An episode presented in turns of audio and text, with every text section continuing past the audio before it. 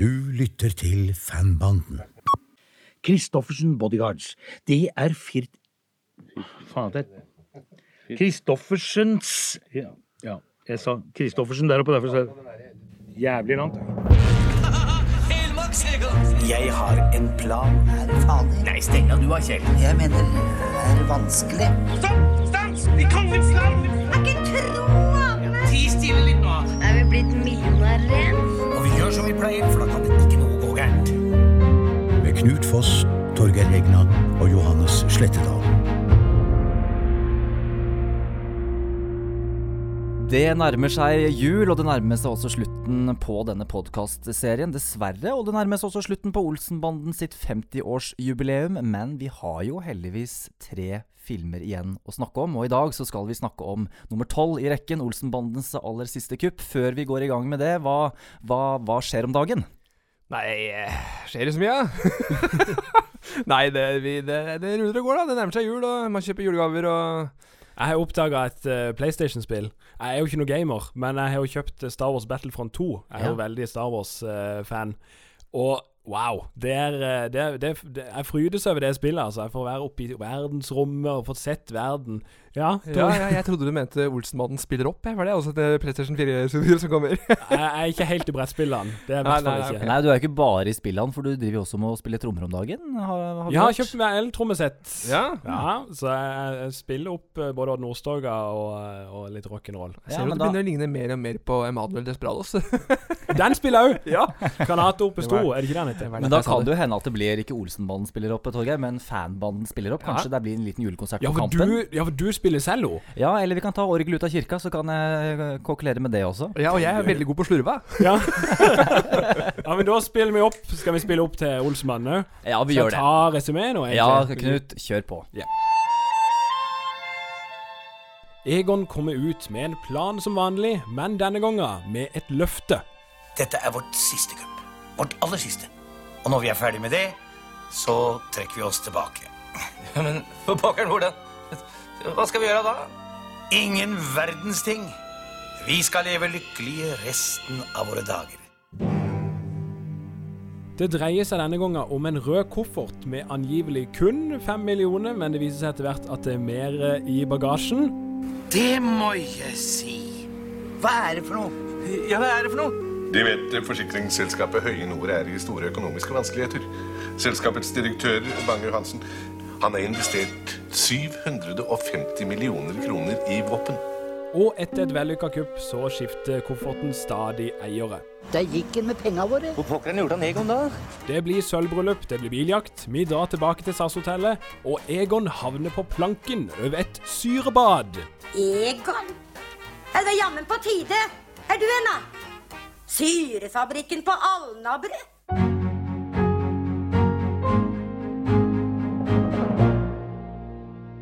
Ja, og dette her er også filmen hvor eh, vi blir introdusert for han som fra starten i 1968-69 ca. var tiltenkt rollen som Hermansen, nemlig Rolf Wesenlund. Han besøker oss for første gang. Ja. Og siste, vel å merke. Men uh, ja.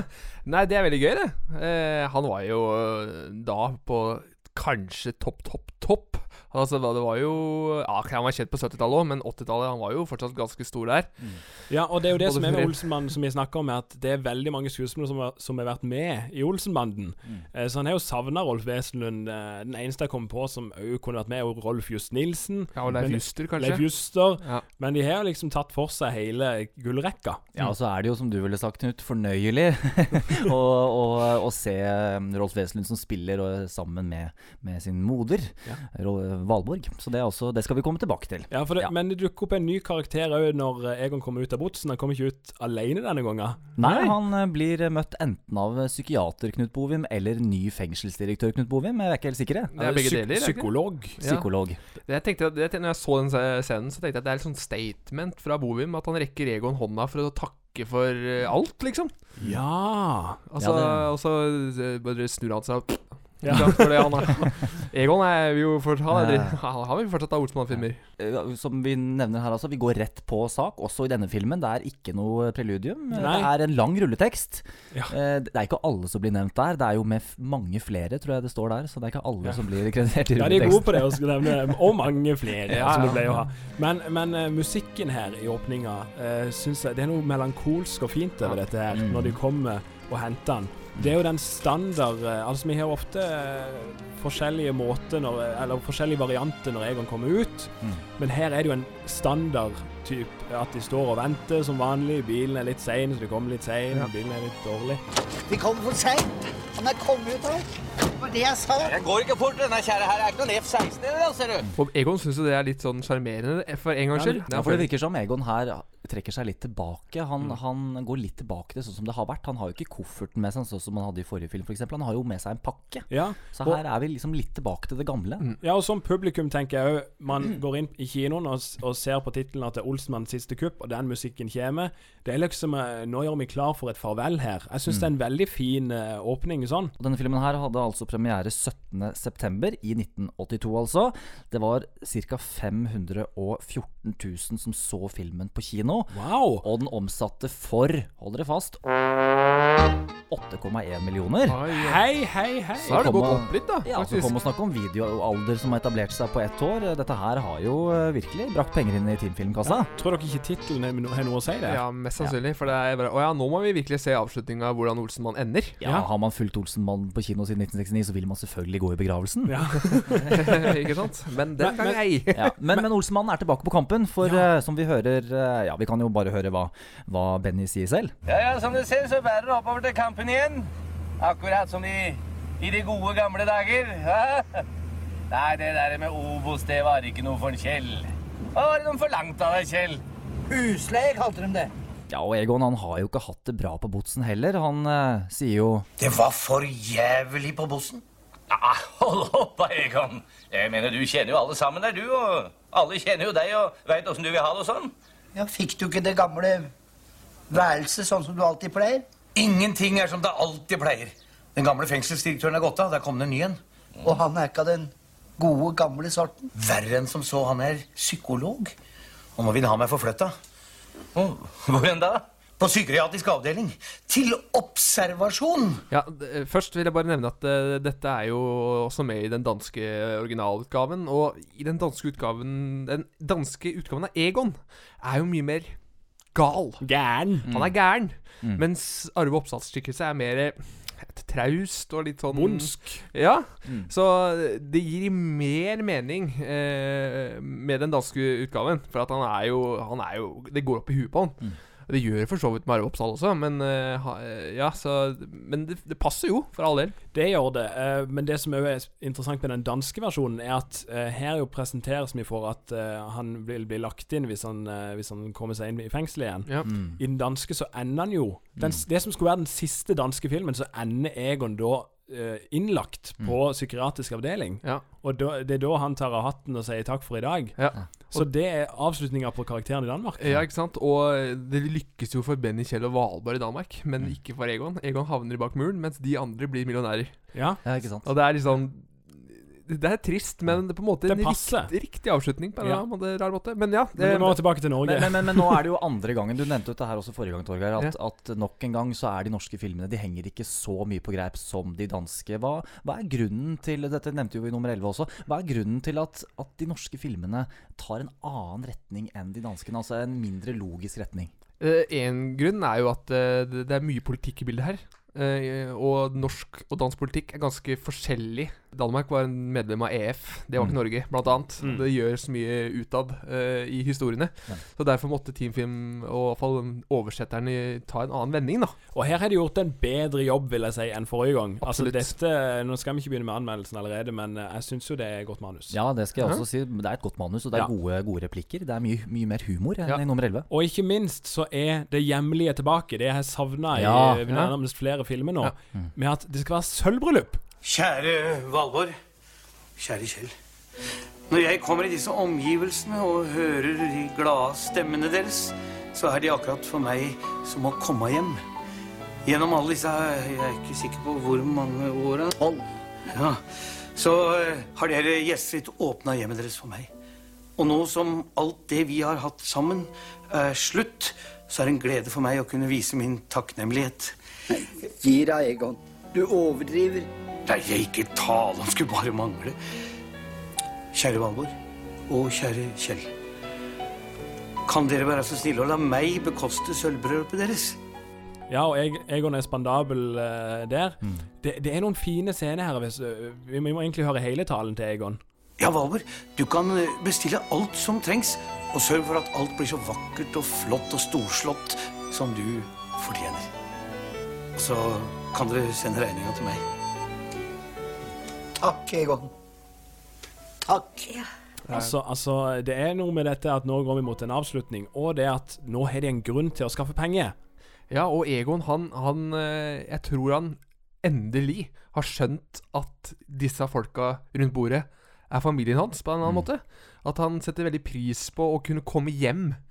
Eh, for en gangs skyld, altså Fengselet har jo vært hans andre hjem, men nå trives han ikke der lenger. Så nå er dette liksom this place to be. Mm. Så han er veldig klar på at uh, nå skal jeg gjøre opp for meg, uh, og nå skal jeg holde deg lover for en aller siste gang. Mm. Det er veldig viktig for Egon i denne filmen, og det syns jeg er veldig sånn fin scene. altså Absolutt. Og det som, eh, ja, For å nevne det første kuppet i denne filmen, det er jo ikke så sent som i nummer 11. Dette her skjer jo noe tidligere. Nei, men Til sammenligning så er det jo Det, det er jo litt samme oppskrifter med at det er mye dialog i begynnelsen, men Mm. her er det interessant. Ja. Ja. Ja.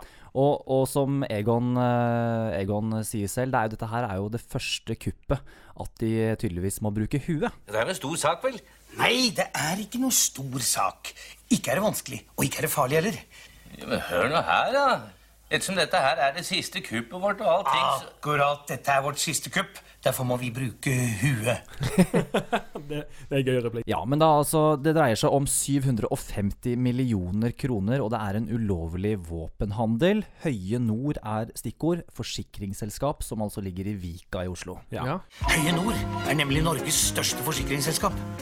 Og der er det streng bevoktning både ved hovedinngangen og ved vareinnkjørselen på baksida.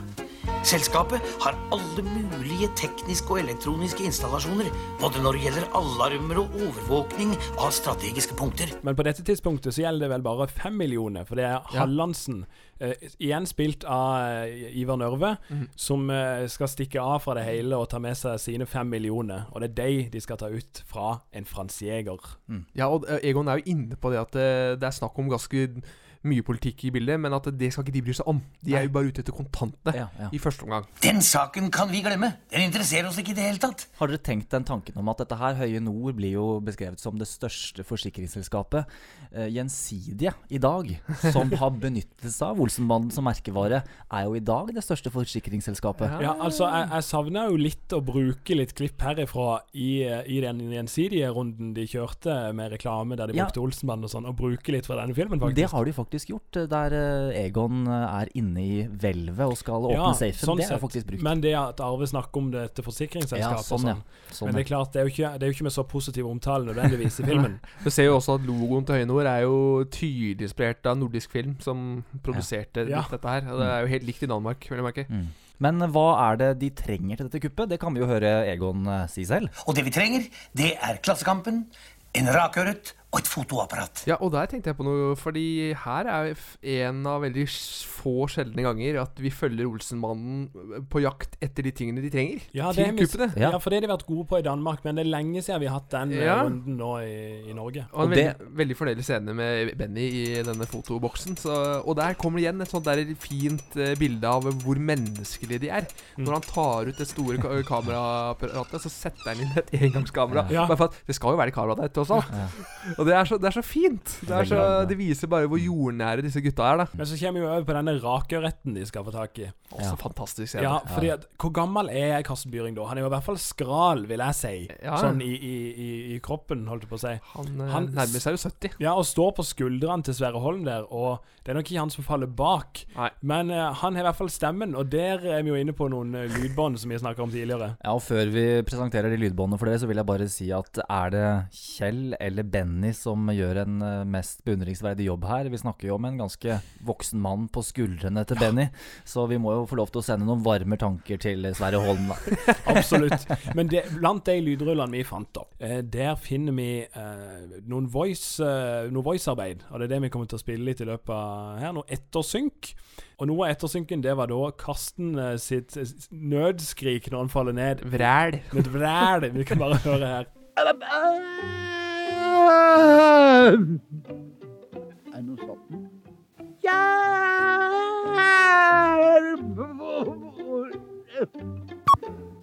Hjelp! Ja, det er mye munnskyllevann i, i, den halsen der. Eller noe annet. Eh, Men iallfall gøyalt å høre. Og de har tydeligvis det De har gjort mye god jobb eh, i dubbingfronten her. Både i dubbinga og energien her. Altså, Mm. Det er en helt Mm. annen energi enn det var i forrige film. Ja, og jeg tror også at eh, både Arve, Sverre og Karsten, og sikkert Aud og de andre også, eh, var kanskje de var, de var, Det var greit å sette punktet på Olsenmannen nå, fordi ja. jeg tror Jeg vet i hvert fall at for Arve så kunne rollen som Egon bli en, litt, nesten en tyngde for han. Fordi Ja. Mm. folk begynte å kalle han Egon istedenfor Arve. Altså, Ja. klarte ikke å skille og Det er jo mange folk som ikke klarer å skille rollefigur og menneske. Ikke sant? Så jeg tror han kjente veldig mye på det. Når eh, vi ser eh, Egon som beskriver hva som trengs dette første kuppet, hva dette kuppet skal eh, dreie Mm. seg om, så ser vi jo mange av birollene som blir presentert over voicen til, til Egon. Så jeg foreslår at vi bare går gjennom hvilke biroller vi har med å gjøre i denne filmen.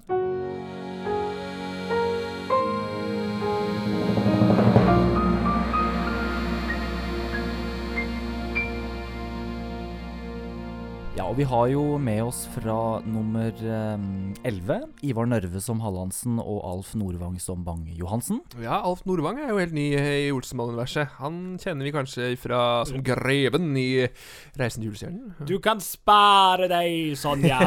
Du Ja. kan spare deg Det er han, ja. Ja, det er Ja. han. Og så er det også Helmer i Helmer og Sigurdsson. Det, Ja. det var jo også kanskje den i rollen hans i, på fjernsynet, som de sa den gangen. Eh, han var mest kjent for. Ellers så Ja. var han jo selvfølgelig en kjent teaterskuespiller. da. Ja, Sånn sett så har jo han vært med i Olsenmannen før, i nummer åtte, når han skulle innom eh, på toget. Ja, Sant. Veldig liten rolle, vel å merke. Men Det snakka vi selvfølgelig ikke om i film nummer åtte, men det er jo en litt sånn gøy eh, samfunns... En liten eh, easter egg, ja. nærmest. Ja, det er jo det. Ja, vi, fikk, vi fikk jo høre at vi ikke nevnte det, så da har vi nevnt det nå. Ja, nei, vi nevnte Fire filmer for seint. Men altså, Alf Nordvang som uh, Bang-Johansen, han er jo fantastisk. Han er jo den, en av de beste skurkene, uh, syns jeg. Ja. I Mm. portrettering av liksom den store bad guyen. Gaff Jacobsen delte celle med en eldre vaneforbryter som ble løslatt i går. Det er ingen tvil. Det er ham.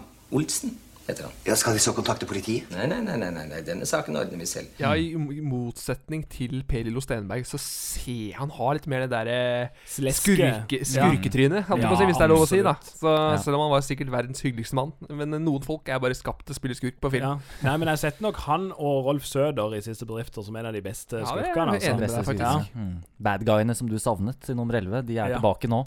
I full Eh, vigør. Og så har vi jo, eh, så har vi jo Kari Laila Thorsen. Hun er jo tilbake. Da trekker vi jo hun Hun er jo med som, eh, som eh, Ja, vi kan jo bare høre hva hun sier om Rolf Wesenlund på SAS-hotellet. Å, for en ekkel Adonis! Det er det verste jeg har vært med på. Å, Ledusen, jeg egentlig burde klage, men jeg orker ikke være et øyeblikk her lenger. Ha det, og god fornøyelse. Ja, hun er tilbake. Da går vi jo litt lenger frem i filmen, men Ja. vi går gjennom alle Ja, rollene nå. vi. Og så har vi jo da Tom Tellefsen, hvis noen har Ja. sett eh, den filmen regissert av Bo Hermansson, 'Skraphandlerne', der han spiller mot Leif Juster. Han er jo da sjef for Christoffersen Bodyguards. Og Bør Børson er han med i òg. Ja, han, eh, han eh, debuterte jo med Arne Skauens første film, som var 'Gategutter'. Da var han bare 18 år gammel og spilte mot en Paul, veldig pur ung Pål Bang-Hansen. Og Svein Byring, bror til Karsten. De var jo kanskje bare sånn 7-8 år gamle. Dette er, det er en film fra 1940-tallet. Ja. Veldig bra film, faktisk. Ja. Ja, og så er jo, så er jo eh, Ole Jørgen Nilsen med. Han er jo likestilt på samme nivå som eh, en som skulle bli viktig for Olsenband-universet etter Olsenbandens siste stikk, nemlig Arne Lintner Næss. Ja. For de spiller jo da en av eh, Tom Tellefsen eller Christoffersen Bodyguards, en av eh, hans bodyguards. Ja, Mm. stemmer. Det som er litt det, Som jeg beit meg merke i, var jo at Arne Arne Næss snakker bergenser her. Han er jo bergenser, tross alt, men han snakker jo Nå snakker han østlandsk. Østlandsk. Ja, så eh, Og han, en, en, den første rollen han hadde, det var jo 'Brent jord'. Ja. Det var den første filmrollen hans. sin Eh, og det var jo da med Knut Andersen, eh, som hadde, var ved roret på regien. Eh, og han er jo da uh, Søstera er vel gift med Rolf Søder. Du tok det, slektstreet. Ja. Ja. Så det var vel der han fikk eh, jobben. Det var litt sånn via via, tror jeg. Ja, det var nok sikkert. Han var, spilte russisk fange der. Ja, Men han var ikke særlig begeistra for å egentlig spille i en Olsenmann-film. Har jeg hørt. Han var jo synes jeg, Olsenmannen Den, den generasjon skuespillere som på en måte var unge da Olsenbanden i- var var på sin stor, storhetstid. De syntes jo Olsenmannen var noe drit. Altså, Ja. altså sånn, Det var det flaueste. Det er som Hotell Cæsar, som du har nevnt tidligere. da Ja. At det, uff, det var fælt. Uh, men det var penger, Uh, Mm. og han fikk utdelt en hatt, uh, noen solbriller. Jeg tenkte Solbriller, at det, ja, og Kanskje han derfor snakka bergenser også? Jeg vet ikke. Så jeg er ansatt som muskelmann. Ikke for å dreie på denne kringelen her. Og så under samme tak som de eh, bevokter eh, Alf Nordvang som, eh, som Bang-Johansen, så har vi jo da ikke minst Rolf Wesenlund. Ja. Han er med oss som inspektør, ikke bare det, men sjefsinspektør. Ja, da setter vi i gang. Kvikk, kvikk, kvikk. Og så er jo eh, mannen til Aud Ødskjønemann eh, Jan Pander Rolfsen med som, som bestyrer i denne pelsforretningen, Ja. sammen Ja. med vår alles kjære Arnold Petersheim. Han klør seg ikke på huet i denne filmen, men han lager en sånn liten grimase. Veldig sånn karikert uh, grimase. Ja, For så- dette er jo en, det er jo en stumfilmsekvens, nærmest. Ja, og han spiller litt sånn eh, Ja, kan vi, skal vi si eh, Ja, han har litt feminine trekk i den filmen, ja. men, men det er jo bare fint, det. Eh, Det er jo samfunnsaktuelt. Det er i 1982. Ja, nå har vi jo nesten gått gjennom hele rollegalleriet, men det gjenstår tre, etter min, eh, etter min mening. Vi har Inger Teien som sekretæren til Bang-Johansen. Hun er med oss igjen. Hva vil vi si om henne? Ja, nei, Hun dukka jo for første gang egentlig i forrige film. Eh, Da var hun eh, på Er det Perser det heter? Hun var jo sånn innsjekkingsdame. Ja, stemmer. og så, var- så var hun med i denne filmen, og så er hun med i neste film. Og Mm. dukker faktisk opp i Olsmann junior første kupp. Ja, og i siste stikk Og i også. siste stikk. I siste stikk også, ja. Ja, Så det er, hun er jo eh, med. Hun er jo primært sekretær i serien. Ja. En sånn gjenganger som sekretær. Mm. Synes jeg er liksom. Ja, det står en mann der ute med en rød koffert og spør etter dem. Hva slags uh, mann? En mann med skalk og sigar og den røde kofferten. Og så har vi jo da to skuespillere som har skiftet uh, rolle og jobb. Vi har jo da Heide Steen, Dynamitt-Harry, som er uh, taxisjåfør av den pakistanske typen. Uh, og så har vi Biffen, som, som er Biffen, men han blir jo også pilot i Ja. filmens siste scene. Men, men, men helt til slutt, hva er det Ulf Wengård gjør i dette året 1982? For han er ikke med. Jo. Nei, jo, han er med. Han- som, han er med? som forsikringsagent. Som forsikringsagent. Han er to shots. Ett når Egon forklarer omkuppet, og så går, han, så går Egon inn til han og skal få en forsikring. Ja. Nei, men Da passer det jo egentlig fint at vi drar Og apropos forsikringer! Alf Malland er tilbake. Ja. Han, han kom Det er inn- ikke forsikringer, hadde. det, det er sikringer. Ja. Hvor skal dere hen, da? Vi kommer fra Lysverket for å skifte noen forsikringer. Ja vel, ja. Ja, og på Høye Nord så er jo Eller for å si det sånn, da. På, på logoen, eller i logoen til Høye Nord, så har vi jo denne meget pene isbjørnen, som jo er Nordisk Film sin, eh, sin maskot, for å si det sånn. Den er jo også sentral i det første kuppet Olsenbanden Ja. i Høye Nord. Ingen ringere enn Karsten Byring, eller Kjell himself, eh, skal jo gå inn på kontoret som isbjørn. Eh, Det var veldig dårlige nerver på hun der sekretæren, men eh, en og, og veldig gøy, gøy, gøy bilde i boka som vi fant Ja. fram. Eh, fra når, når eh, Karsten holder på å rigge seg til. Og det Mm. som er litt gøy med tanke på den filmen her, var jo at eh, rekvisitøren i de danske filmene kom over denne gangen Ja. til Norge for å gi, bistå. Magnus Magnusson. Ja, for Mm. dette blir jo så brukt i den, eh, i den danske. Bygde Hermansens kontor og Ja. mm. Jeg vet ikke om den Høye Nord-sekvensen er filma i Den, Danmark. den tror jeg den er, Det er ikke lik, lik eh, det, det er ikke lik parkett eh, Parketten er lik som i, i uh, Olsenbanden var ikke død på Munch-museet, så jeg tror nok det er i Ja. Keisers gate. Jeg tenkte på det. Det er, det er mye sånn uh, furu Eller altså Ja, for du ser fargen i stua til, til uh, Kjell og Valborg. Har en lik mørkfarge som på Mm. kontoret. Og på hotellet. Og på hotellet. Ja, på rommet der. Så det, er, det, det det. går gjennom alt. Ja, men det, er jo, det kan jo være i, i egentlig nåtidens aktualitet også, for det er jo, det er jo gjenbruk i så fall, ja. så det er jo bra, det. Men eh, ja, hun eh, frøken eh, Hansen, som hun heter, hun, hun, hun svimer jo av. For hun ser eh, denne litt henslengte eh, daffe isbjørnen som kommer ut av heisen. Ja. og Olsmann kommer seg inn i eh, hvelvet, og der gjør de et ganske kult kupp, syns jeg. Eller selv om det er veldig enkelt, men tanken bak det er veldig gøy. Det med at uh, de må ta et fotografi og jobbe seg bak fotografiet. Ja. Et kupp som de skulle videreutvikle i, i neste film, men det kan vi jo komme Ja, tilbake og det er et kupp som ikke skjer i det danske. Å nei. Ja, så det er en norsk idé. Så det er faktisk en norsk idé, ja. ja. Og så syns jeg det er veldig vakkert når de da, han da åpner opp skapet, og du får denne flotte orgelmusikken. Ja, jeg har faktisk notert det at den syns jeg er til forveksling lik når de går inn i bunkersen nummer tre. Ja, det kan- Ja. ja. Ja, men det er sånn, det er sånn hellig øyeblikk. Ja, det er jo det. Det Det er jo liksom det siste Frans Jæger Og det nevner jo også Egon i, i kuppet, at dette, dette er et eh, Frans Jæger-pennskap som er her, men det finnes jo ikke flere igjen av de, mener de. Et eh, Frans Jæger fra Berlin? Nei, nei, det kan ikke være sant.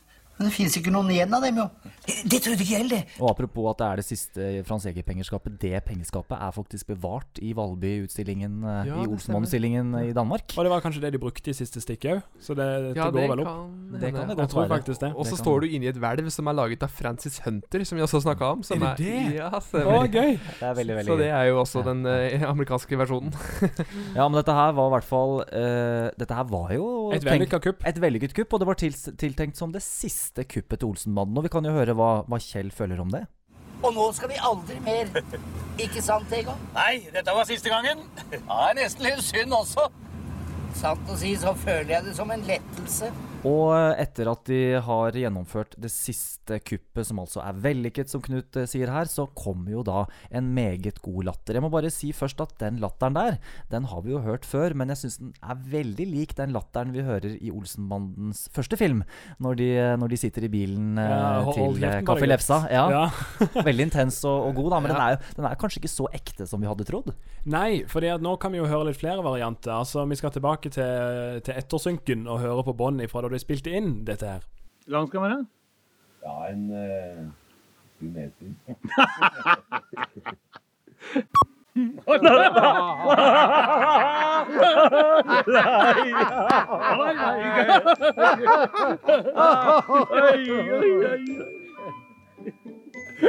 Kan ikke bruke den, da. Kan ikke, kan ikke bruke den, da.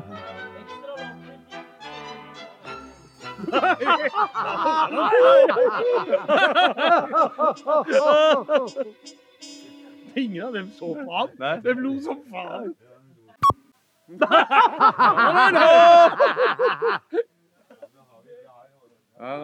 Ja, og fra synk til en annen synk, i hvert fall en synkproblematikk, kan vi vel nesten si. Fordi at Sverre Holm han eh, ble jo kalt inn han til å gjøre ytterligere ettersynker, og, og der var ikke han så medgjørlig som kanskje Teamfilm ønsket. Nei, altså, jeg, jeg tipper nok at alle skuespillerne var innkalt for å gjøre denne jobben. Eh, men han mente vel at eh, dette skulle de ville ha ekstra lønn for.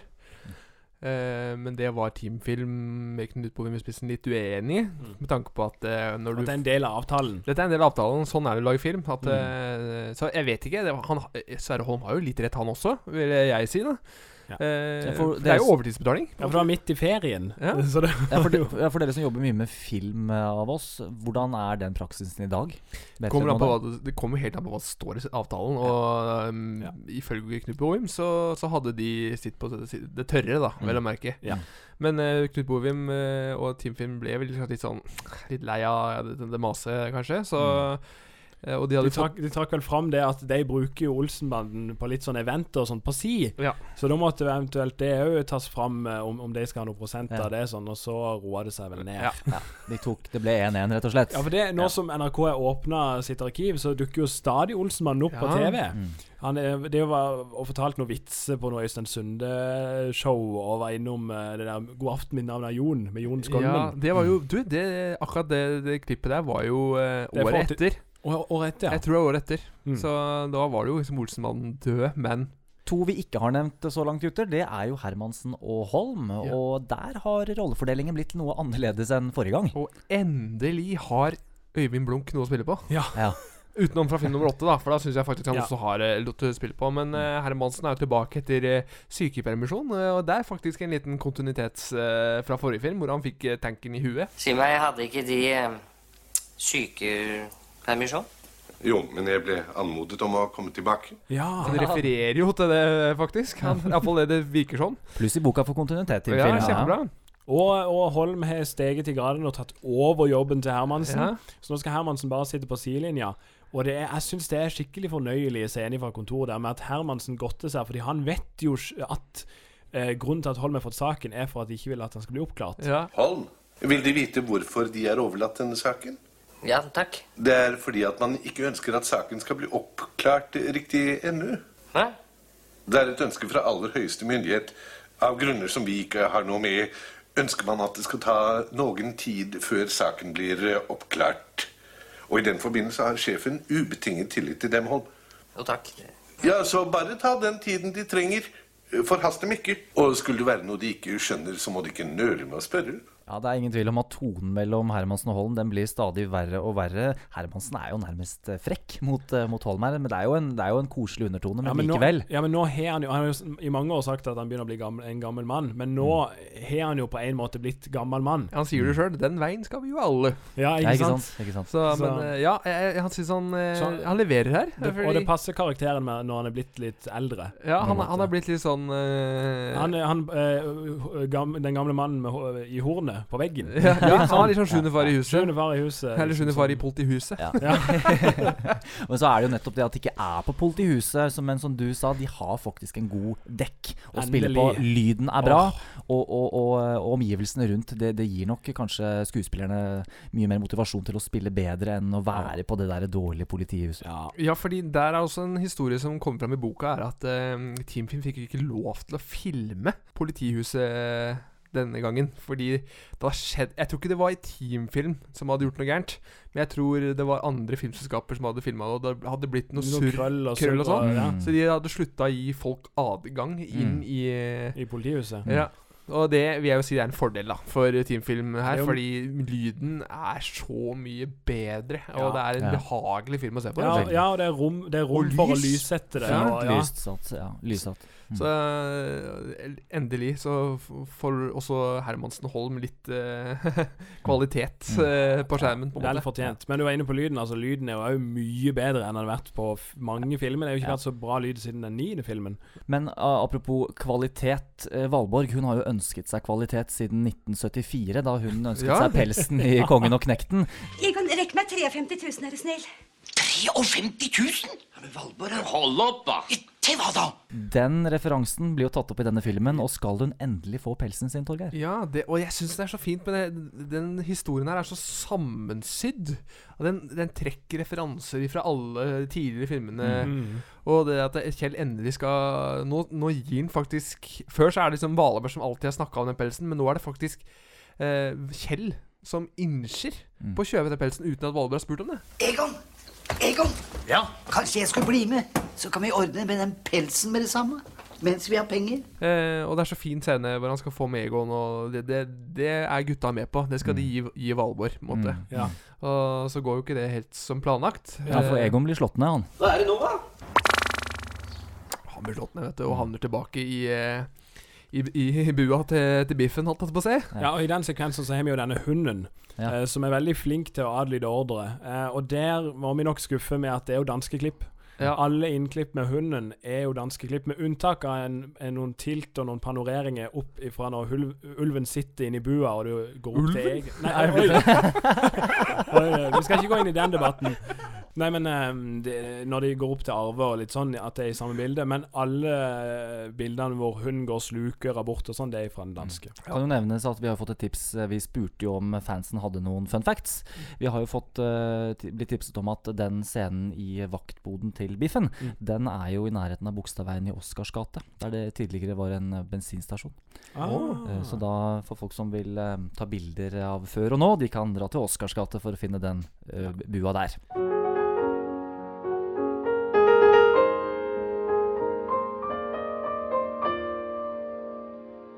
Men eh, Olsenmannen har jo de, de, Eller Kjell og Benny redder jo Egon. Eh, Men, men, men hva syns dere om at de bruker samme triks igjen? Jeg For at tanken er jo gøy, men det tar jo litt lang tid. Ja, men jeg syns det er fornøyelig, bortsett fra at det nok en gang er produktplassering her for mors flatbrød. Hør her. Jeg har en idé. Har du rakfisken? Ja, ja. Og mors flatbrød også. Ja, hold nå opp, ikke kom med ørreten. Ja, kanskje det er de som sponser i denne filmen.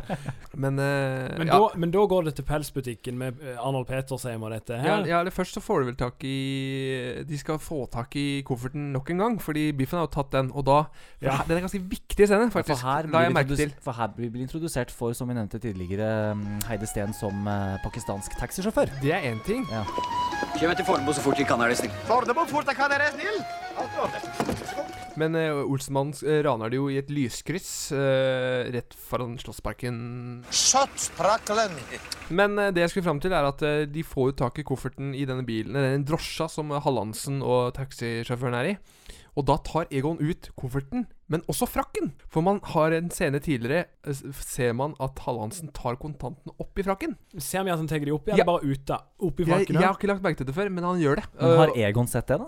Nei, Nei. det gir ikke noe mening at han tar frakken. For det er sånn, de er ute etter kofferten. Ja. Hvorfor tar han med frakken også? Men det er jo den store payoffen i slutten. Mm, ja. Så, så den er, derfor jeg vil jo nevne den scenen, for den er ganske viktig. Det som også er gøy med den scenen, er jo at uh, altså, hvis- vi trekker referanser til nummer seks, der, eh, der Benny og Kjell sier, om at, sier at Egon har gått i barndommen, så ser vi jo at Egon og Kjell kan jo virke som de kanskje har gått i barndommen der de går rundt og krabber rundt disse bilene. Ja, ellers er det For- grøftefylla.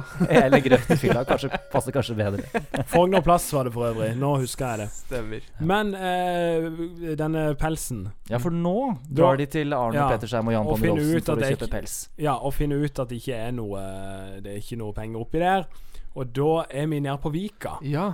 Før, Det er eh, ikke før Vika, det er operaen. Bjørvika, er det ikke det? Bjør- ja, det er det kanskje. Ja, og det er jo på en måte Olsmannen er venner tilbake til der de var i første, de to første filmene, hvor de går i silhuetter. Ja. Det er jo nesten akkurat samme sted. Ja, ja skal vi, det, Da kommer jo denne flotte scenen der Kjell står opp og sier, sier det han mener om Egon, når Ja. Egon uh, slår seg vrang. Det er det samme hver gang.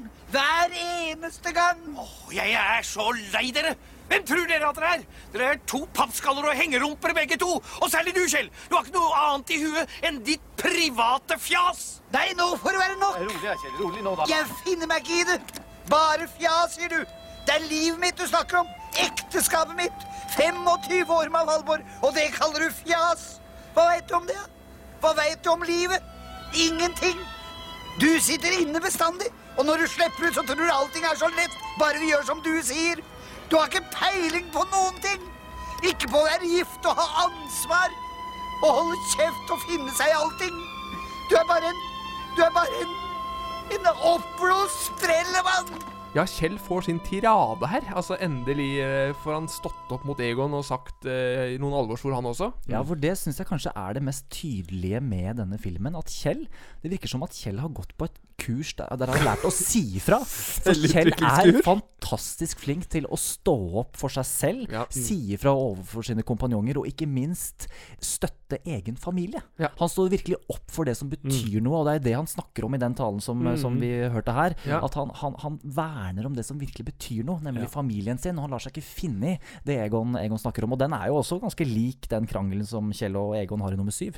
Ja, Han har liksom blitt tråkka på i alle tolv filmene tidligere, eller de siste tolv åra, og eh, nå er han dritlei. Nå er, liksom, nå, nå, nå er det nok. Jeg er lei av å være tøfferen og få det stempelet på at jeg ikke tør en dritt. Det er jo faktisk han som gjør de store bragdene, og det er han som har noe å tape hver gang. Ja. Dobbelt bånd i kofferten, jo! Ja, men, men, men, eh, men etter at de finner dette rommet i kofferten, så går det vel til Arsenikkveien, gjør det ikke det? Ja, for det kommer fram i disse papirene at uh, her går det fra fem millioner, som var den planlagte Summen de skulle ha tak i? Til en milliard. Mm. Det viser at eh, de kommer inn i den storpolitikken som Egon nevner i starten, Mm. og som de plutselig sitter med alle svarene og har full makt. Disse papirene de er verdt fem millioner for Bang-Johansen. Så vi må gå inn til høye nord før hun blir gripet av panikk og begjærer seg sjæl konkurs. Og, og han er jo litt lur her også, fordi han drar jo tilbake til uh, Ulf Wengård. til Ulf Wengård for å sikre seg en livsforsikring. Mm. For å eh, tenke at eh, ja, om dere dreper meg, så er i hvert fall prisen den samme. Da går det til gutta mine. God dag. God dag. Jeg skulle gjerne tegne en livsforsikring. Ja vel, ja. Hvor mye skal den være på? Fem millioner. Det er en fin bragd, Egon. Ja, ikke sant? Og, og, og dette kulminerer jo i en av de beste scenene òg med Bang-Johansen. Når eh, Bang-Johansen da får se denne kontrakten. Vi må bare høre åssen han reagerer. Er det vanlig at de ikke leser det de skriver under på? Hvordan da? Har de lest uh, de små? De små? Bokstav. De som uh, står helt nederst der. Som ser ut som en del av ornamentikken. Det er alle unntakene. Det er bare å velge. Selvmord, grov uaktsomhet, farlige arbeider, naturkatastrofer og hendelige uhell. Ja, det der er jo vanlig håndtering fra forsikringsselskaper, det, er det ikke det? Idiot som alle de andre. ja. ja, det står med en knøttliten skrift. eh, Ja. En del av ornamentikken. ja. Nei, men eh, da skal vi, da skal vi over til Arsenikkveien. Da skal vi over til Arsenikkveien og nærmere bestemt syrefabrikken på Alnabru, eller som det vises i filmen Kristiania syrefabrikk. jeg har bodd- jeg har bodd på Alnabru i tre år, bodde jeg vel i nærheten der. Jeg har aldri sett den syrefabrikken, eller skiltene. Jeg tror nok det fins nok ikke.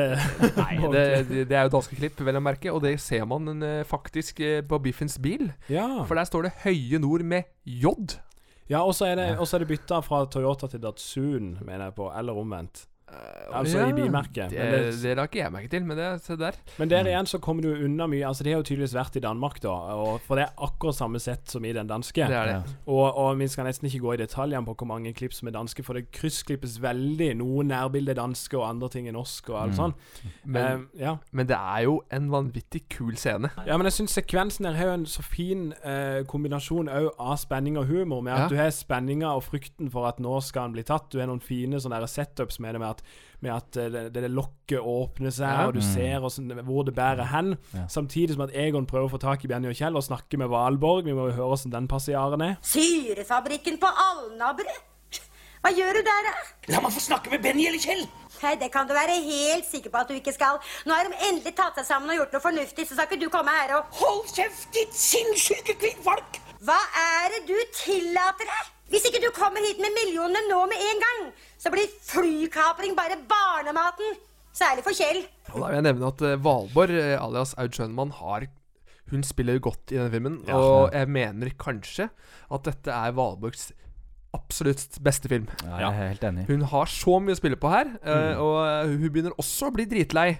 Eh, av uh, Olsenbandens eh, stadige sånn lovnader om å få Eller Egon, da, særlig, men det går jo utover Kjell. Så ja, for det at hun, hun beskriver hvordan det er å være gift uh, i 25 år. Vi må jo høre hvordan Valborg beskriver det. Det er alt jeg alltid har sagt. Jeg hadde det ikke vært for sølvbryllupet. Hadde det ikke vært noen som helst grunn til å være gift i 25 år. Jeg er jo ikke enig, jeg. Tenk deg 25 år som hushjelp og vaskekjerring. Sitter man der da med alle sine innestengte drømmer og talenter, mens åra bare forsvinner som jagerfly. Nei, når jeg tenker på det nå, alle de tilbudene jeg hadde en gang, altså. Ja, Du er jo søstera mi, så du vet jo det at Kjell ikke var den eneste den gangen. Og du vet, det han hadde da, det har han jo mista nå, og vel så det. Ja, og det her tenkte jeg på noe, for når jeg hørte den replikken, så tenkte jeg eh, For hun, nevner jo det at eh, Skulle tenkt på alle de tilbudene jeg hadde den gang, så tenker jeg det brukte de Olsmann junior. Ja, faktisk. For da har du jo masse Da er det jo Hermansen og Og- Biffen, Ja, ja, ja. og alle er ute etter det, ikke sant? Ja, de er sånn sett veldig gode i den første serien der. Altså, Ja, opp, setter eh, mye sånne- premisser. Det er jo danskene som skal være for det også, vel å merke, for det er jo originalt Ja, derfra. ja, ja. Nei, men selv om uh, Egon uh, skal bli drept på verst tenkelig vis, som du var inne på, Torgeir, så, så, så beholder han jo roen, da. Altså, han, han har jo hodet kaldt. Han sitter jo der med, med syre fire meter under seg, under seg, men likevel så er det på en måte iskald Egon vi, vi er vitne til her. Ja, og, og det som er gøy når, når Benny og Kjell kommer og redder han òg, og sånn, syns det er en veldig gøy kontinuitet med at han har jo brukt nesa si på å så vri om på, på, på, den, på telefontasten, holdt jeg på å si. Ja, ja, ja. På den gamle telefonen. Og når han da blir redda, og de snakker etterpå, sånn, så ser du en sånn hvit ring Ja, Eh, Ja. på, tu- på tuppen av nesa. Veldig gøy kontinuitet, syns jeg. Ja. Men akkurat den scenen det, det, Kjell og Benny kommer jo i full uh, unnsetning, de. Og, og finner jo hatten Degon. Egon. Her forekommer det jo en litt sånn lignende scene fra Targull. Det er for jævlig. Gode, gamle Egon. Så tok de da knekken på han til slutt. Ja, og alle millionene våre. Gamle Egon. Og alle millionene hans. Jeg tenker Det er en veldig fin scene, og særlig så syns jeg det er en veldig igjen med Kjell, men også Benny. For i forrige scene det var jo mer Kjell og Egon. Mm. Mens nå kommer også Kjell og Benny sin scene. Hva skal jeg si? Hva skal jeg si til Valborg? Drit ned Valborg. Ja, det kan du si det. Men du hørte hva han sa? Herregud, han nå er vel snart på tida du sier henne noen alvorsord. Hva? Jeg? Ja, du ja. Du skulle skamme deg. Du skulle gå hjem og vaske munnen din. Og så Valvor som har gleda seg så fælt. Du skulle få pels, og, og jeg skulle holde tale. Jeg har skrevet sang, jeg. Men hva har du gjort? Ingen verdens ting. Men du har fått øl hjemme hos oss. Kaffe og kake og hjemmekos. Alt har vært bare fløten. Men straks noe er det, da er jeg som kan gå hjem til Valborg. Du blir aldri med. Det kunne ikke falle deg inn, ikke sant? Nei, du har rett i det. Tilgi meg, da. Eh, men eh, det er viktige scener Mm. for den, avslutte, denne avsluttende filmen. Og det er jo det vi har savna litt over i de siste filmene, med det alvoret Ja. som ligger i det, al- altså stakes. Mm. Så jeg er jo henrykt over at det er tilbake. Men det å ha vært på syrefabrikken på Alnabru, det har jo ikke vært forgjeves. fordi at når de skal dra derfra, så har jo Egon en ny plan i tankene. Og da skal vi altså til den bygningen som vi så ble bygget eh, fra et oversiktsbilde i nummer fem, 'Kongen og knekten', nemlig SAS-hotellet på Holbergs plass. Ja. Og vi eh, besøker i 78. Ja, ja 79. Ja, og da, da er det en veldig sentral plass, og det Mm. er det jo nå også. Vel, Mm. Og Egons plan er, er jo å ta seg inn sammen med rengjøringsdamene. Og igjen, eh, dette er jo, ble også brukt i Olsmanns siste bedrifter. Men Valborg er med igjen, som en av kuppets ja. medlemmer. Så skjønner man har mer å gjøre. Altså Det er Ja. flott, flott. Jeg liker det veldig godt. Og når vi er inne på det, vi må tilbake til lydrullene. Fordi eh, når dette kuppet presenteres, så er det jo voiceover, som det som oftest er. Men det var ikke så lett uh, å få lest opp for eh, Arve og resten av gjengen da de satt i Keisers gate og spilte inn. Det der, der, det er KBG. Bang-Johansen har nemlig bestilt Pff.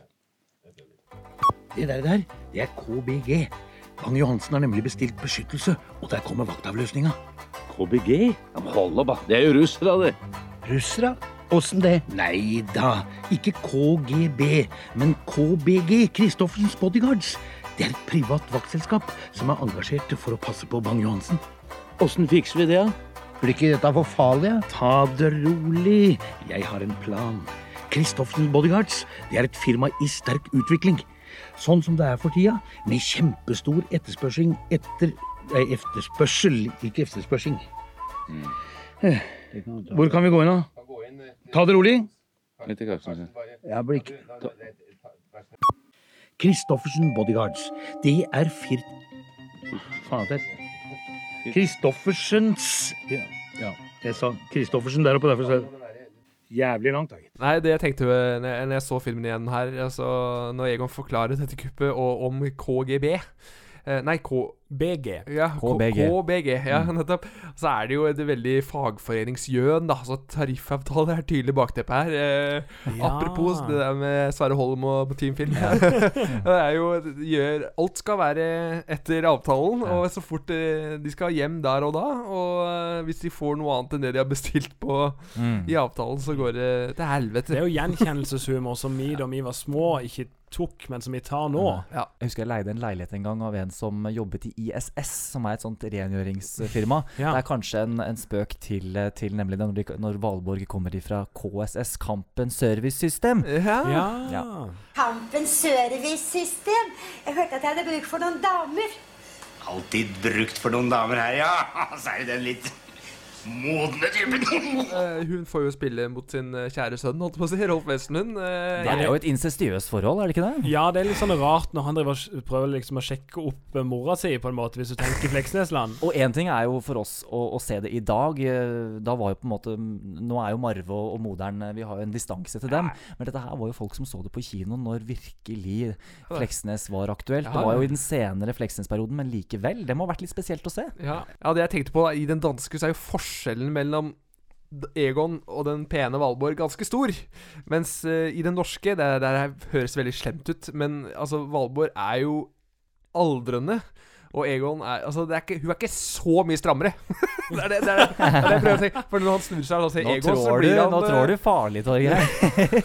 Ja, men eh, er du ikke, er du ikke enig? Jeg er helt enig. jeg er helt enig Det som jeg syns er gøy, er jo at Egon blir til Egunda. Jeg har med en venninne. Oh. Egunda. Men på SAS-hotellet så er det jo Christoffersen Bodyguards, Tom Tellefsen, eh, som eh, vi møter der. Og det er eh, Ole Jørgen Nilsen. Ja, og det er det, men er det Rico, tror du, som liksom har lagt opp, eh, lagt opp finansverdenen igjen, og så er litt tilbake i, i, på gammelt spor? men ikke så stort, liksom. Du blir aldri lei, Rico, du.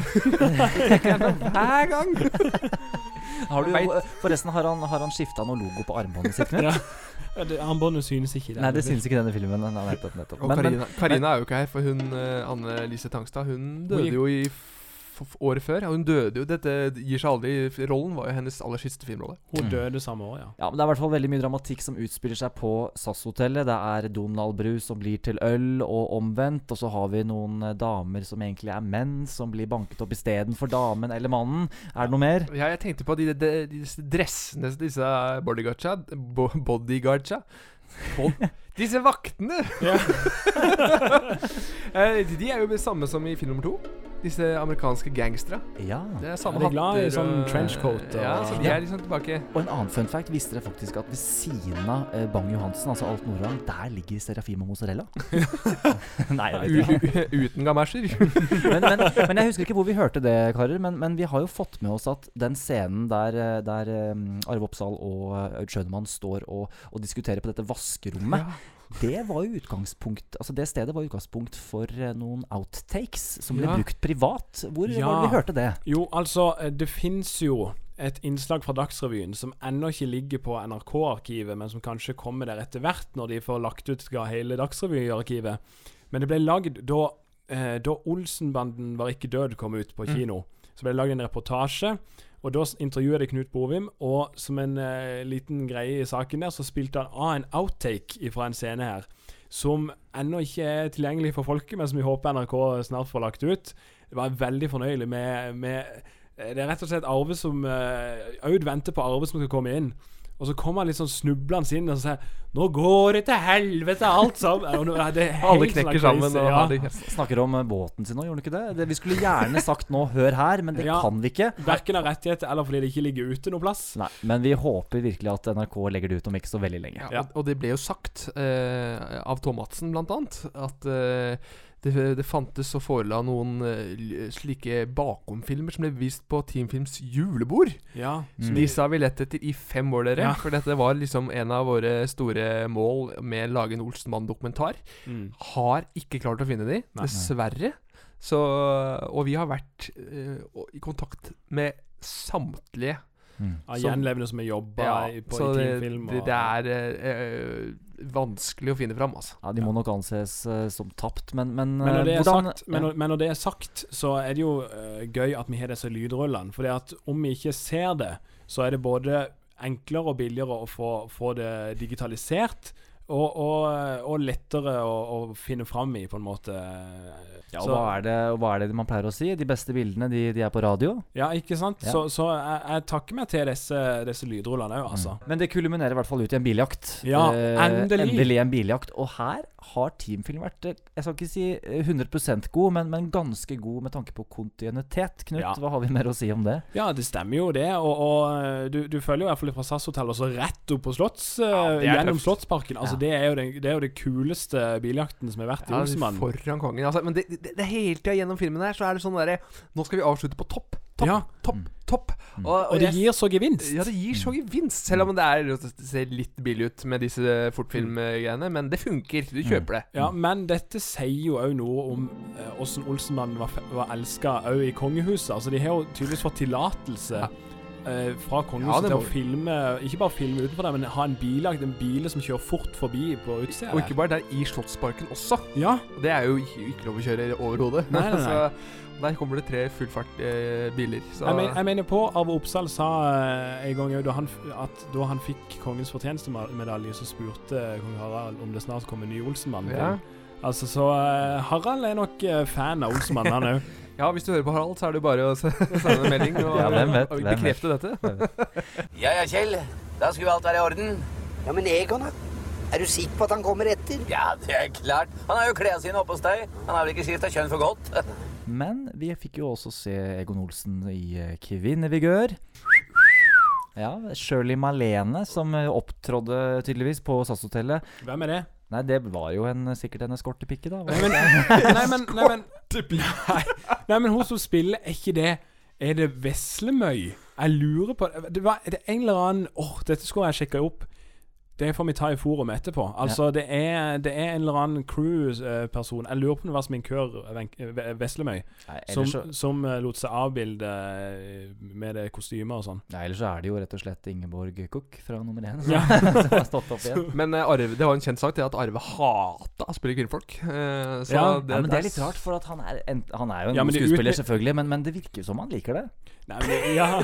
men, men det er jo fra barn og fulle folk du får høre sannheten, så på bussen på vei hjem så eh, får pipa en annen låt. Mamma, Ja, hva er det? hvorfor har han mannen kledd seg som en dame? Hysj da, Frida. Ja, det, er, det er enkelte som liker det, forstår du. Det må du jo ha lov til, ikke sant? Så. Kjell og Benny de får tak eh, i kofferten, de, og eh, så ser vi jo da at det er Egon som kommer trippende bortover som Malena her. Jeg syns han kler den rollen godt, men vi er jo på kampen. Ja, og det som møter de når de kommer hjem, er jo en kniv i bordet. Farvel for alltid. PS. Jeg er hos min søster. Og det er vel eh, første gang vi får høre en slags sånn voiceover fra Valborg. Og, eh, de, de leser opp det som står i brevet. Ja, apropos litt sånn Per Ulv og sånn, derre farlig sprengstoff. Ja. det er liksom, liksom Ja, akkurat samme. Ja, og her har vel Jeg kjenner deg rett, Knut. Du har vel noen outtakes fra Valborg eh, som voice, har du ikke det? Å nei, der var det dårlig, altså. Åh, Dessverre. søren. Kan du ikke være i mima? Farvel for alltid. Men, men i hvert fall kort tid etterpå, når de står der, så kommer jo politiet. Ja, fordi det, vi, vi må innom eh, det, fordi eh, Holm han eh, løser jo saken. Ferdig med? Hva mener du? Den saken er da ikke oppklart? Nei, men som de selv så utmerket sa det, det er visse saker som er best tjent med aldri å bli oppklart. Vet du hva, unge mann? I 30 år har jeg vært opptatt med å rydde opp efter politikere. I 30 år har jeg vært opptatt med å arrestere småkjeltringer mens de store går fri. Men nå kan det være nok. Nå går jeg rett til statsråden. Det er sannelig på tide at en eller annen hvisker henne et alvorsord i øret. Om vi får høre hva fornavnet til Holm er. Walter? Nei, det er ingen her ved det navn. Walter. Walter Holm. Ja, og vi får også høre at han sier eh, 'Hei, Mona'. Og det Ja, er hvem en er det? referanse til eh, Mona Røkke, som var Norges statsråd mellom 1981 og 1985. Ja, ikke sant? Så det er en samfunnsaktuell eh, kommentar. Gøy. Så alle visste hvem Å ja, han snakket med statsråden, ja. det er jo som vi skulle ringt til Ja, hei, Siv!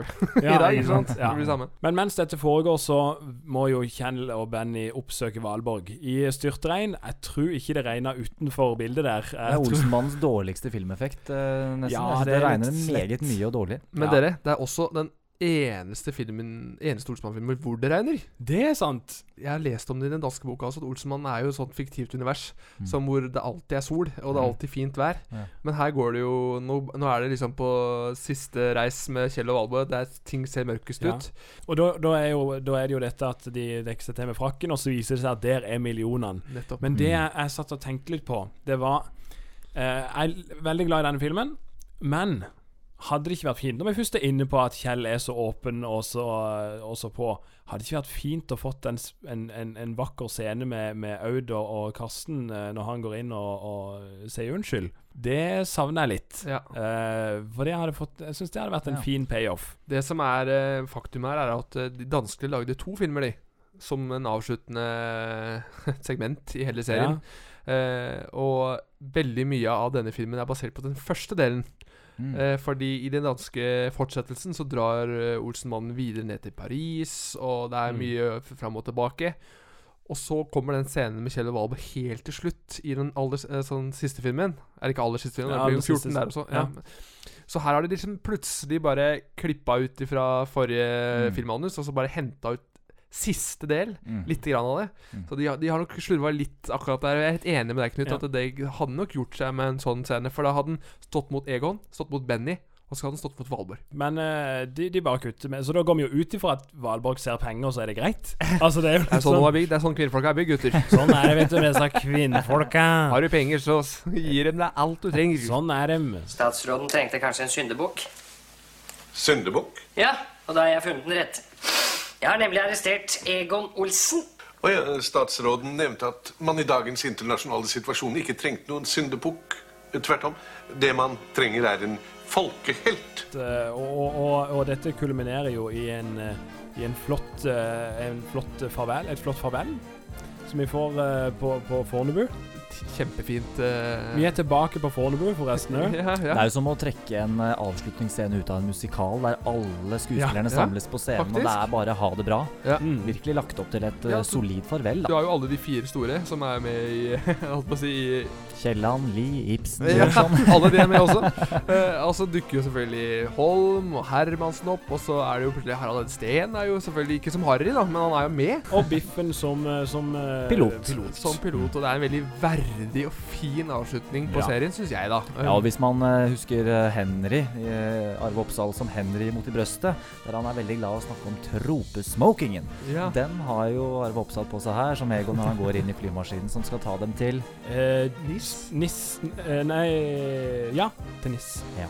Ja. Er det tid for å tenke bowlerhatter her nå? Ja, det er vel det. Ja, det er det.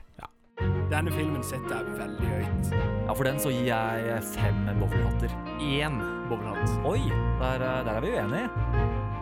Her tror jeg vi er nede på to, altså. Og du kaller deg en Olsenbanen-fan? Ti bowlerhatter? Gutter, vi må gå videre.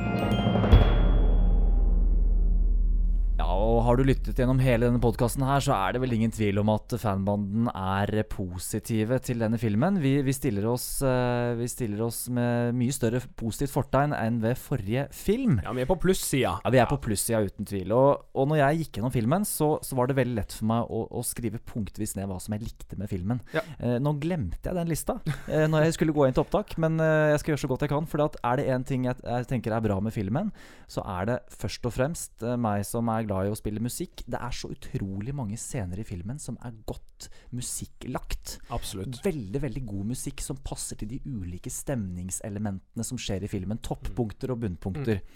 I tillegg så syns jeg det er fornøyelig å se Kjell. Hvordan Kjell har blitt og utviklet seg fra forrige film, der han nesten ikke var med. Ja. Og hvor han her tar enormt plass, forsvarer seg selv, står opp for seg selv og står opp for egen familie. Ja, bare, bare for å skyte inn her, der ser du jo hvor viktig rollen Kjell er i Olsmannen. Mm. Med tanke på forrige film, hvor han ikke Ja. var til stede.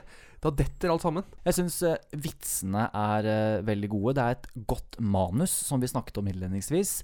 Uh, det er god Oslo-dekning gjennom hele filmen. Eh, introduksjonen til SAS-hotellet. Der ser vi jo et, for et veldig godt oversiktsbilde over hele Oslo. Vi har busser som vi ser. Um, jeg syns banden koser seg. Altså Det er tydelig at vet du hva, Mm. her har vi lyst til å Hvis det var det som var i tankene, sette et solid punktum. Her ser vi en eh, skuespillertrio pluss eh, Valborg som, som virkelig koser seg på sett. De er tilbake i studio. Det er god lyd for oss som lytter på. Dette her hadde blitt en verdig avslutning eh, for uh, Olsenbande-serien, eh, spør du meg. Så, så dette her er en film jeg setter veldig veldig høyt, og som jeg egentlig setter overraskende høyt enn det jeg kanskje tenkte på forhånd. Ja, eh, og jeg kan egentlig bare stille meg bak alt det du har sagt, eh, Johannes, for skuespillerprestasjonene er på topp her. Mm. De har vært har vært litt lei de siste filmene, har jeg tenkt, eh, men her så er det en siste, en siste innsats for Olsenbanden. Og, og alt legger liksom opp til at det er siste, og jeg syns det er noe sånn passe melankolsk over denne filmen. Med at de liksom skal lande der banden skal lande, og òg de setupene vi snakker om i starten av filmen, med musikken og liksom Jeg syns de la det veldig fint opp til at dette er siste gangen. Det er nesten sånn uh, tårer i øyekroken uh, tidvis i starten der. Så det legger god vekt på det familiære og det viktige. Uh, de, de, de, uh, de supplerer nesten med det som er mangla i de siste filmene, og, og går, dobbelt, går all in på det. eh, som jeg syns funker kjempebra. Så skuespillerprestasjonene er på topp. Manus er på topp. Jeg, jeg er veldig glad i den filmen, altså. Ja, jeg syns de, de, de trekker mye paralleller til eh, alle de tidligere filmene. Eh, til og med film nummer to, som på en måte eh, gjør det menneskelige eh, i banden igjen. Ja. Altså eh, Skal vi si Kjemien mellom skuespillerne er så, så fint, og liksom vennskapet til Olsenmannen er i fokus, og ekteskapet til Kjell og Valborg er i fokus. Eh, ting er tydeligvis på spill igjen, sånn som det har vært tidligere. Eh, geniale planer. Kanskje ikke de beste kuppene de har hatt, men altså, det er fint, og det er kreativt. Eh, jeg er veldig lei meg for at det kom en film to år etterpå, Ja. som dessverre Nå må vi ikke ta sorgene på forskudd. Nei da, da, vi, vi, vi, holder, vi, holder i den gode stemningen her nå, Ja, ja, ja. for her virkelig koker det, dere, dere som hører på. Her koker det virkelig blant fanbanden. Må også legge til at hvis man skal Altså, Olsenbanden er jo en filmserie som kjent, som, som strekker seg over eh, fire tiår. Eh, tre tiår, hvis vi ser bort Ja. fra siste film. Eh, og da syns jeg denne filmen her er å regne som, som tar gull, bare i en annen tid. Ja, det er jo nøyaktig ti år siden Tar gull òg. Ja, og, og, for å si det sånn, jeg har jo gitt Tar gull ti eh, bowlerhatter. Jeg har gitt På sporet ti bowlerhatter. Og så er det Sprenger verdensbanker nummer ni som har fått ni bowlerhatter av meg. Og vet dere hva? Jeg, jeg gir denne filmen her jeg gir den faktisk uh, ni bowlerhatter. Ja. Jeg, jeg, jeg, liker den overraskende den er, den er, overraskende god for meg enn det, enn det jeg trodde. Så ni bowlerhatter får uh, Olsenbandens aller siste kupp uh, fra meg. Jeg, jeg, tenkte mye på det, grubla litt og tenkte ja, hva skal man gi denne filmen her? Den er ikke favorittfilmen min, men den er fin. Jeg synes, jeg står for alt jeg har sagt. og jeg legger den, setter den tett opp til film Eller jeg setter den på samme nivå som film nummer én nemlig sju bowlerhatter. Det er sju på deg. For jeg er litt mer i, i uh, Johannes uh, sitt land, holdt på å si det sånn. Jeg, holder meg på en nier, jeg. Oppe på ni. Jeg syns uh, den, den, denne henger så godt sammen at, jeg, at jeg, jeg setter den her veldig høyt. Mm. Ja, nei, det skulle ikke bli sånn at denne her ble siste film i rekken. Det skulle jo komme en film til, nummer 13, men Olsenbanden var ikke død. For det var jo sånn at Olsenbanden de måtte jo ta seg en tur innom Munch-museet. Og hva skal vi i den bunkeren, om jeg tør spørre? Det er ikke noe bunker, det er Munch-museet. Hva for noe? Første kvelden jeg er ute, og så skal dere ha meg på museum? Du hørte en podkast fra Fanbanden.